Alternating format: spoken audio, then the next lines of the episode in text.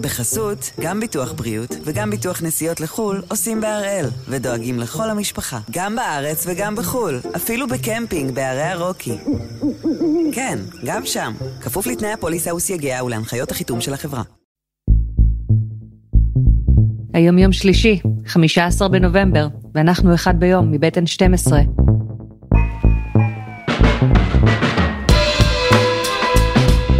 אני יונה לייבזון ואנחנו כאן כדי להבין טוב יותר מה קורה סביבנו.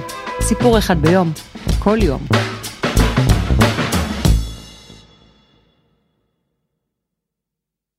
זו הייתה קריסה מפוארת. מהסיפורים האלה שיש בהם הכל. צמיחה מטאורית של מנכ"ל מבטיח, עולם חדש ומסקרן של קריפטו, פוליטיקה וכסף. הרבה מאוד כסף. כסף שנעלם.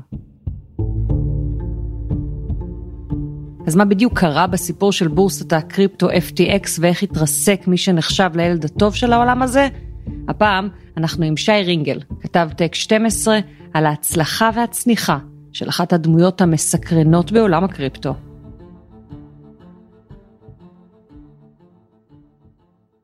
אהלן שי. אהלן. טוב, זה אחד הסיפורים המדוברים ביותר השבוע בארצות הברית ובעולם בכלל, ואפשר להתחיל אותו בכמה דרכים, אבל אולי כדאי קודם כל לדבר על סם בנקמן פריד, הידוע בכינויו SBF, מה הסיפור שלו, איך הוא זכה לשם נסיך הקריפטו? סם בנקמן פריד קודם כל צריך להזכיר שהוא מאוד צעיר, הוא בן 30, הוא בעצם אה, נכנס לכל ענייני הקריפטו לפני רק כחמש שנים. עד אז הוא עבד כטריידר בבנק גדול, אה, והוא התעניין פתאום פעם ראשונה, הוא שמע קצת על ביטקוין והוא בכלל לא ידע מה זה, ורק אז הוא נכנס בכלל אה, לחקור את הנושא, ובעצם הדבר הראשון שהוא עושה זה הוא אה, מקים קרן השקעות בקריפטו.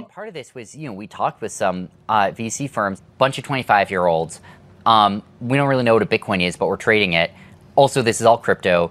You know, we got a startup together. None of us has run a company before, and we'd like $100 million by next Tuesday ideally. It was not a very compelling pitch. וכשנה וחצי אחר כך הוא מקים את FTX שזה בורסת הקריפטו ומשם הוא הופך להיות בעצם הפוסטר בוי של עולם הקריפטו. בוא נתעכב על זה רגע מה זה בדיוק בורסת קריפטו. אז צריך להבין שאנחנו כל הזמן אומרים קריפטו ומטבעות קריפטו ואנשים יכולים לקנות אה, ולמכור אבל זה לא כזה פשוט. אם אני היום אה, כבן אדם שלא כל כך מבין בנושא, רוצה להיכנס לשוק הקריפטו, אני צריך ללמוד המון, אני צריך להוריד משהו שנקרא ארנק דיגיטלי. בתוך הארנק הדיגיטלי הזה אני צריך ללמוד איך לנהל אותו. אני גם לפעמים רוצה נגיד מטבע קריפטו שיש אותו רק לאנשים מסוימים אז אני צריך למצוא את הבן אדם הזה שיש לו את המטבע קריפטו, לקבוע איתו, להגיד בוא נעשה החלפה, אני אתן לך דולרים, אתה תיתן לי את המטבע שלך, איך זה עובד, איך עושים את זה, איך אני יודע שאני לא מעביר לו את הכסף והוא לא מעביר לי את המטבע, אין פה איזשהו רגולציה, אין איזה ממסד, אין בנק שיכול לפקח על הדבר הזה. זה מאוד פתוח ומאוד חופשי. ולכן לאנשים הפשוטים שרואים שנגיד אה, הם ראו את החדשות בשנים האחרונות וראו שמטבעות קריפטו רק אה, אה, הולכים ועולים וצוברים ערך והם רוצים להיכנס למשחק. מה הם עושים? הם יכולים לגשת לבורסת קריפטו. בבורסת קריפטו בעצם הם מקבלים תוכנה, יכולה להיות על הטלפון שלהם, היא יכולה להיות באתר, הם יכולים להזין כסף ולהגיד אני רוצה את המטבע הזה והזה, הם יכולים לראות שהמטבעות האלה עולים, הם יכולים לראות כמה הם עשו בדיוק, בשבוע האחרון, בחודש, בשנה, ולפי זה הם יכולים להתחיל לקנות קריפטו ולהשקיע.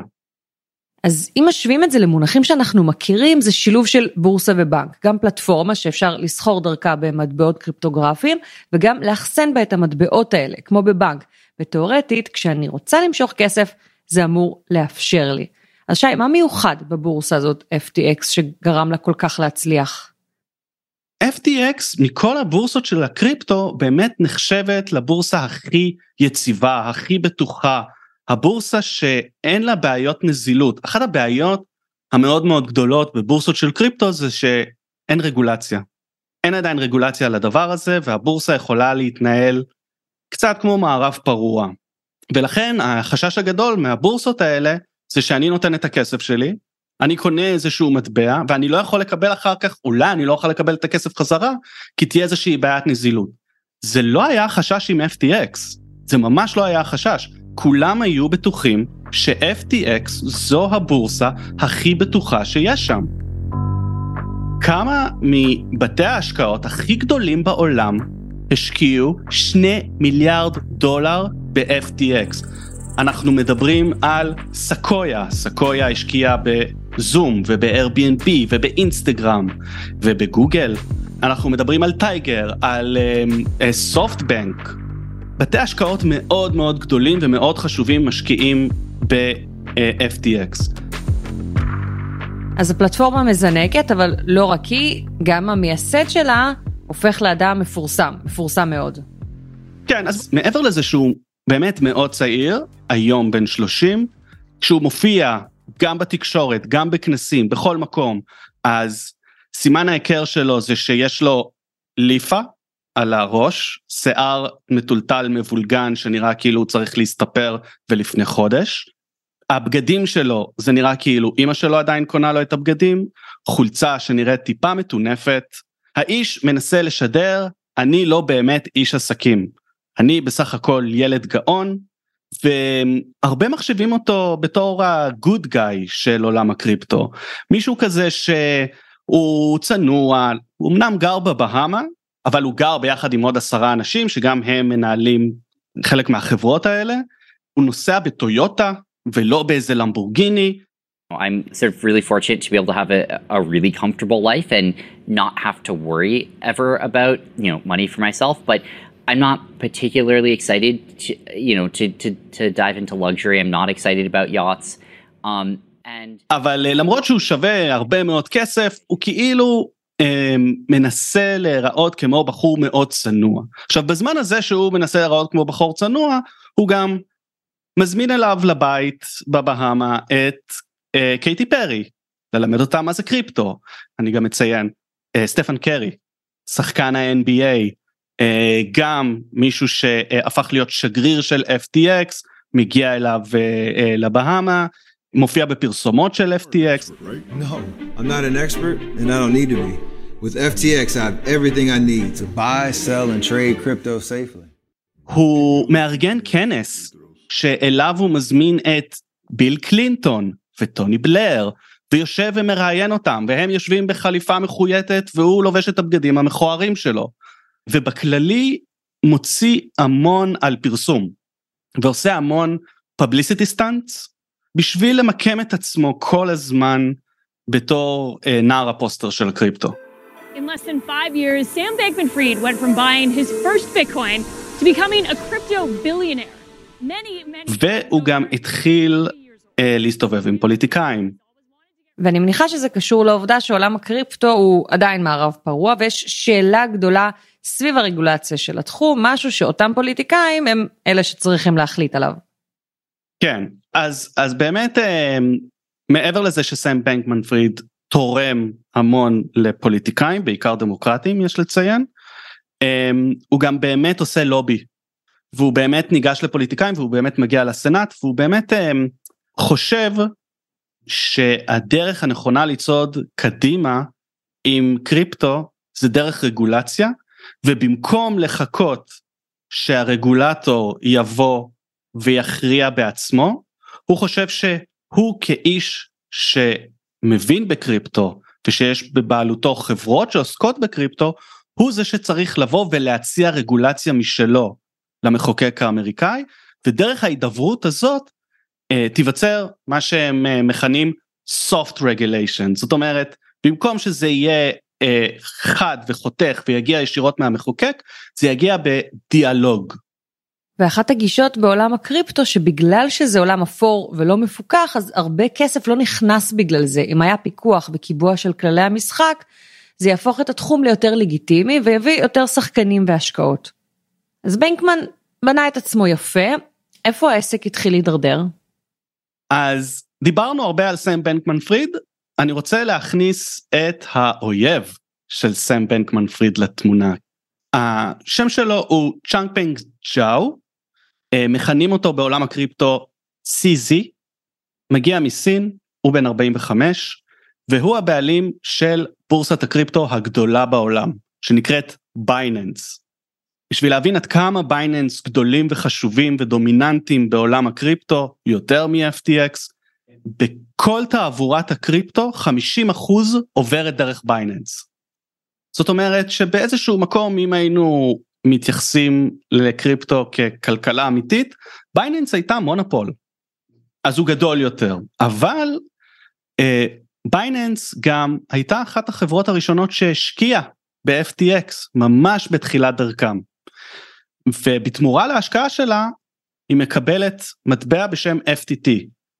סליחה על כל האותיות שיש לנו בסיפור הזה, תחזיקי מעמד, זה קשה, אבל זה חשוב.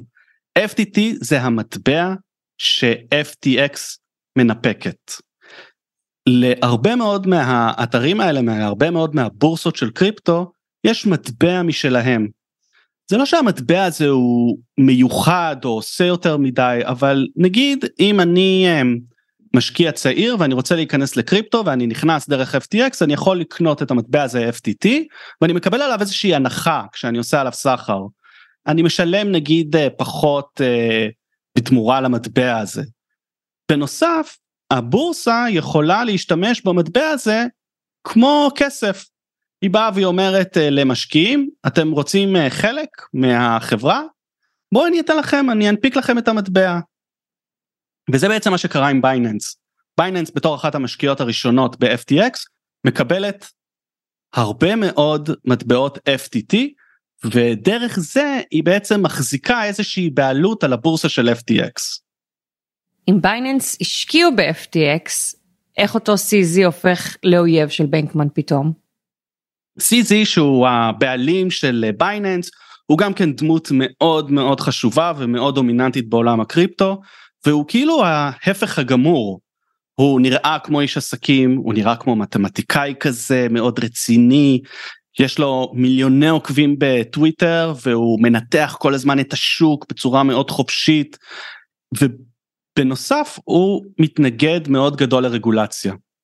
יש לו רעיון, יש לו פילוסופיה שמאחוריה הוא uh, uh, עדיין עומד, שכל הרעיון של קריפטו זה שהמדינה לא תוכל לגעת בו.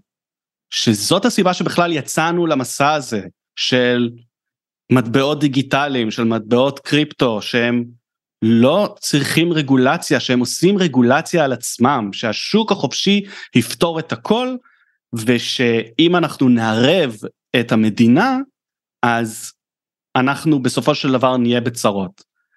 יש לציין שב... בשנה שנתיים האחרונות בזמן שסם בנקמן פריד עשה לובינג על כל מיני רגולציה הייתה טענה מצד CZ שהוא עושה רגולציה שתעבוד לטובת FTX ותעבוד לרעת בייננס. והוא בעצם אמר כל הזמן סם בנקמן פריד הולך להרוג את העסק. ומתי החיכוך ביניהם הופך לריב של ממש, משהו פומבי שיוצא החוצה? אז אנחנו לא כל כך יודעים מתי היחסים נהיו עכורים, באמת. אלה דברים שקרו כנראה מאחורי הקלעים. אנחנו כן רואים את CZ בטוויטר שלו, נהיה יותר ויותר ביקורתי כלפי סם בנקמן פריד וכלפי FTX. ברמזים מאוד דקים, זאת אומרת הוא עדיין לא באמת ממש נכנס בסם בנקמן פריד, מה שהולך להשתנות תכף. אז מה הרגע שגורם לקריסה ואיך הסיפור הזה נגמר, נכון לעכשיו לפחות? חסות אחת, וממש מיד חוזרים עם ההתרסקות של FTX.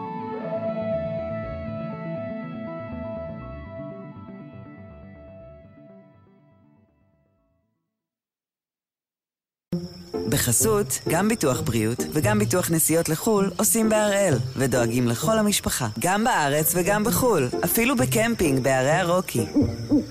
כן, גם שם, כפוף לתנאי הפוליסה וסייגיה ולהנחיות החיתום של החברה. אנחנו עם נפילת בורסת הקריפטו FTX. שי, מה היה הטריגר שמתחיל את כדור השלג הזה? אז בשישי בנובמבר מתפרסמת כתבה באתר בשם CoinDesk זה אתר שעוסק בקריפטו ובכתבה הזאת בעצם טוענים אנשי CoinDesk שהגיע לידיהם הפורטפוליו של אלמדה ריסרצ' זה קרן הגידור שגם היא בבעלות סם בנקמן פריד. וכשהם אה, מקבלים לידיהם את הפורטפוליו הזה הם מגלים שלקרן הגידור המון מההחזקות שלה לחלק ניכר מההחזקות של קרן הגידור הזאת הם ב-FTT הם באותו מטבע שמונפק על ידי החברה השנייה של סם בנקמן פריד. זאת אומרת שיש פה בן אדם שיש לו שתי חברות. בחברה אחת הוא מנפיק מטבע בחברה השנייה הוא קונה את המטבע הזה. ואז זה מראה על קשר הרבה יותר גדול ממה שידעו בין שתי החברות האלה זה מראה תלות. זאת אומרת שאם אחת קורסת השנייה קורסת. וזה מוציא גלים של דאגה כי בעצם מבינים שיש פה בעיה שיש פה מישהו שגם מנפיק לעצמו מטבע וגם קונה את המטבע הזה.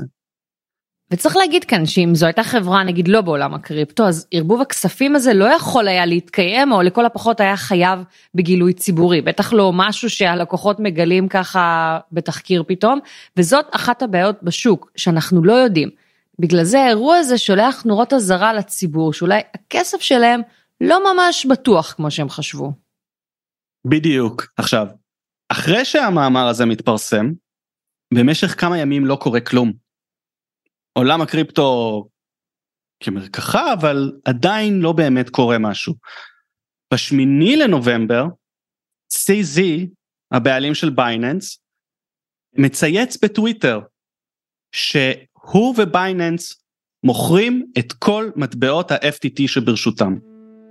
הוא אומר יש פה בעיה, יש פה משהו שמדאיג אותי, אנחנו חוששים מהמטבע הזה, אנחנו רוצים לצאת ואנחנו רוצים לצאת עכשיו. כשהוא עושה את זה, הוא מוכר בעצם חלק מאוד גדול מ-FTX. הוא מוכר 580 מיליון דולר במטבעות. לוקח את הכסף ובורח. והאירוע הזה מכניס את העסק לסחרחורת. בדיוק, כי ברגע שהוא מוכר מטבע בגובה של 580 מיליון דולר, אז הערך של המטבע צונח. עכשיו, כשהערך של המטבע צונח, אנשים בבורסה מסתכלים ואומרים, אוקיי, זה הזמן לצאת. ואז הם מתחילים למשוך את מטבעות ה-FTT שלהם. וכשהם עושים את זה, הם אומרים, אוקיי, המטבע ה-FTT הזה גם קשור ב-FTX, הוא גם קשור בבורסה, אז גם כאן יכולה להיות בעיה. אז הם מתחילים למשוך את כל המטבעות שלהם מ-FTX. והחברה רואה במשך 72 שעות משיכה בגובה של 6 מיליארד דולר. 6 מיליארד דולר, זה חסר תקדים. עכשיו, עד כה היינו בטוחים ש-FTX זה המקום הבטוח הזה, שגם אם תהיה פתאום נהירה המונית ממנו, הוא נזיל, יש לו uh, את הכסף של הלקוחות שלו, זאת אומרת, uh, אני שמתי את הכסף שלי, אני קניתי ב-20 אלף דולר איזשהו מטבע, נגיד והוא שווה עכשיו, uh, הוא ירד בערך, הוא שווה עכשיו 10,000 דולר. אני רוצה לצאת, אני רוצה למשוך את הכסף הזה. בשביל שאני אוכל למשוך את הכסף הזה, ל-FTX צריך להיות כסף נזיל, דולרים, בחשבון הבנק בשביל שהם יוכלו לתת לי. ברגע שמושכים 6 מיליארד דולר בבת אחת מתוך השירות, FTX מתרוקנת. היא מתרוקנת, ופתאום בבת אחת הכל קורס. וכשהכל קורס זה לא רק שאין כסף, אלא גם מתחילים לצוץ עוד כל מיני סיפורים על ההתנהלות של הבורסה, כי לא היינו אמורים להגיע למצב הזה שבו הכסף נגמר.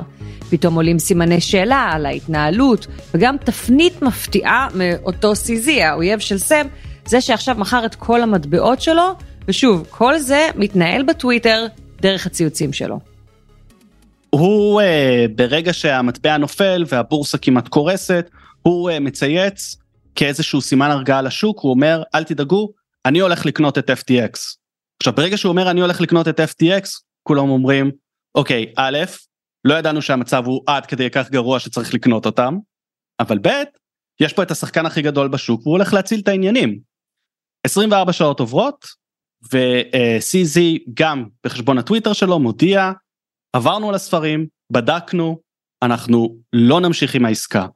אני יכול לצטט אני יכול לצטט את ההודעה שהם הוציאו התקווה שלנו הייתה לעזור למשתמשים של FTX ולספק נזילות אבל הבעיות הם הרבה מעבר לשליטה שלנו. זאת אומרת הוא מגיע כמו סוג של גיבור רוצה לקנות את הבורסה כדי להציל אותה ואז תוך יממה הוא נסוג מה הם מגלים שם? הם מגלים כשהם מסתכלים על הספרים שא' חסר כסף. חסר כסף זאת אומרת כסף שאנשים שמו וקיבלו בתמורה קריפטו לא נמצא. ככל הנראה בין מיליארד לשני מיליארד דולר לא נמצאים. ב' הוא רואה שאין נזילות שאין שם שום דולרים ושאף אחד לא יודע איפה הדולרים האלה. וגיבל הוא מתחיל לחשוש שהולכת להיות פה חקירה. שזה אם הוא קונה את החברה הזאת הוא גם קונה בעצם צרות עם החוק. ולכן הוא עושה סיבוב פרסה אומר אני לא הולך לקנות את זה סם בנקמן פריד יוצא בסבב בניסיון נואש למצוא קונה ברגע האחרון. הוא אומר שבסך הכל יש לו בור של 8 מיליארד דולר ואם מישהו יביא את ה-8 מיליארד דולר האלה הכל יחזור להיות בסדר. אין כזה בן אדם. 24 שעות אחר כך החברה מודיעה שהיא מקפיאה הליכים לקראת פשיטת רגל. Tonight, the cryptocurrency world is reeling after the meltdown of one of its most popular trading platforms. The exchange, FTX, filed for bankruptcy protection today as fallen crypto king Sam Bankman Fried stepped down as CEO. כל הדבר הזה קרה בשבוע. הזמנים הם נורא נורא קצרים. חברה שהייתה שווה 32 מיליארד דולר מודיעה שהיא על סף פשיטת רגל. סם בנקמן פריד, בן אדם שהיה שווה 16 מיליארד דולר, איבד 97 אחוזים מההון הפרטי שלו. מאז הפעם האחרונה שקראתי, כנראה שהוא איבד מאז עוד. הוא כבר לא ברשימת המיליארדרים, לא כל יום רואים חברה שנמחקת, ונמחקת כל כך מהר. זה באמת חסר תקדים. ומה קורה עכשיו? אנשים הרי איבדו את הכסף שלהם, איפה הדברים עומדים כרגע?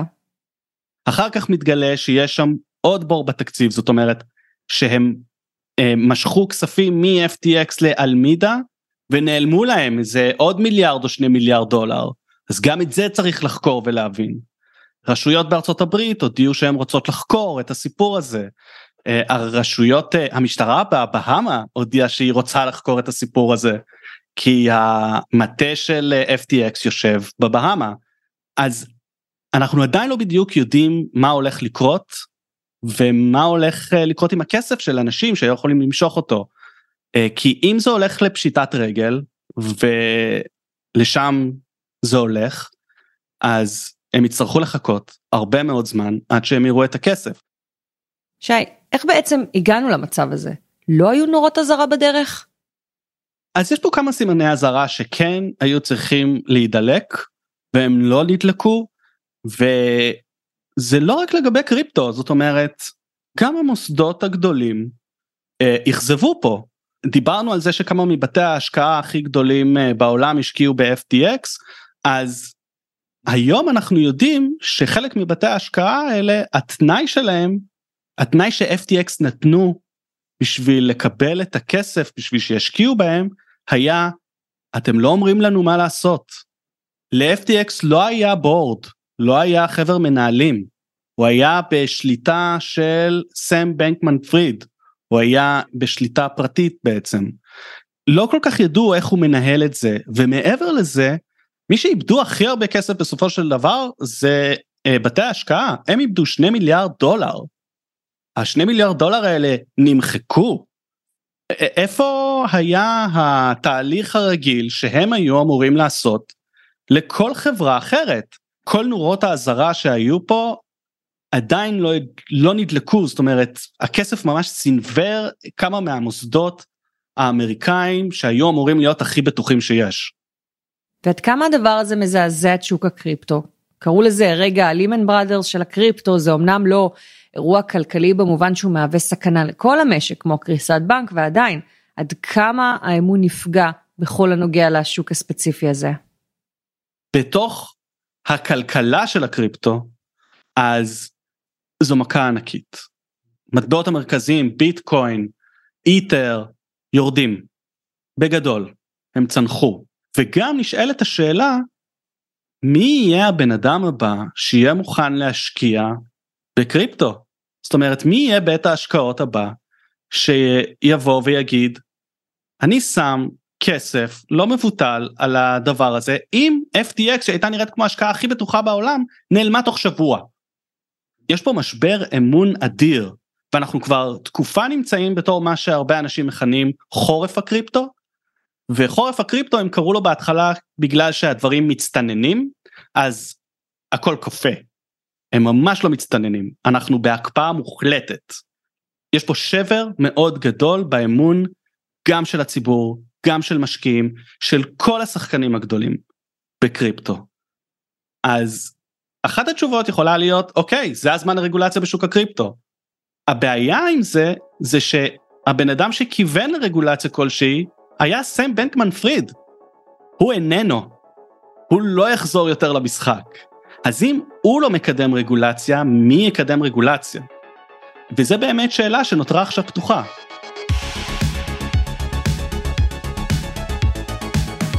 שי, תודה. תודה רבה.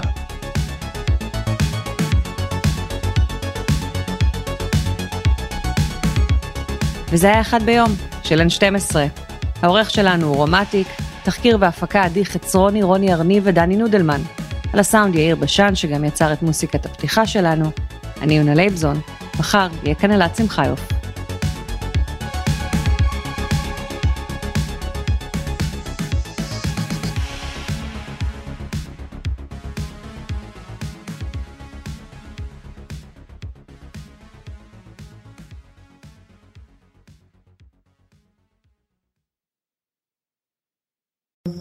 בחסות, גם ביטוח בריאות וגם ביטוח נסיעות לחו"ל עושים בהראל, ודואגים לכל המשפחה, גם בארץ וגם בחו"ל, אפילו בקמפינג בערי הרוקי. כן, גם שם, כפוף לתנאי הפוליסה וסייגיה ולהנחיות החיתום של החברה.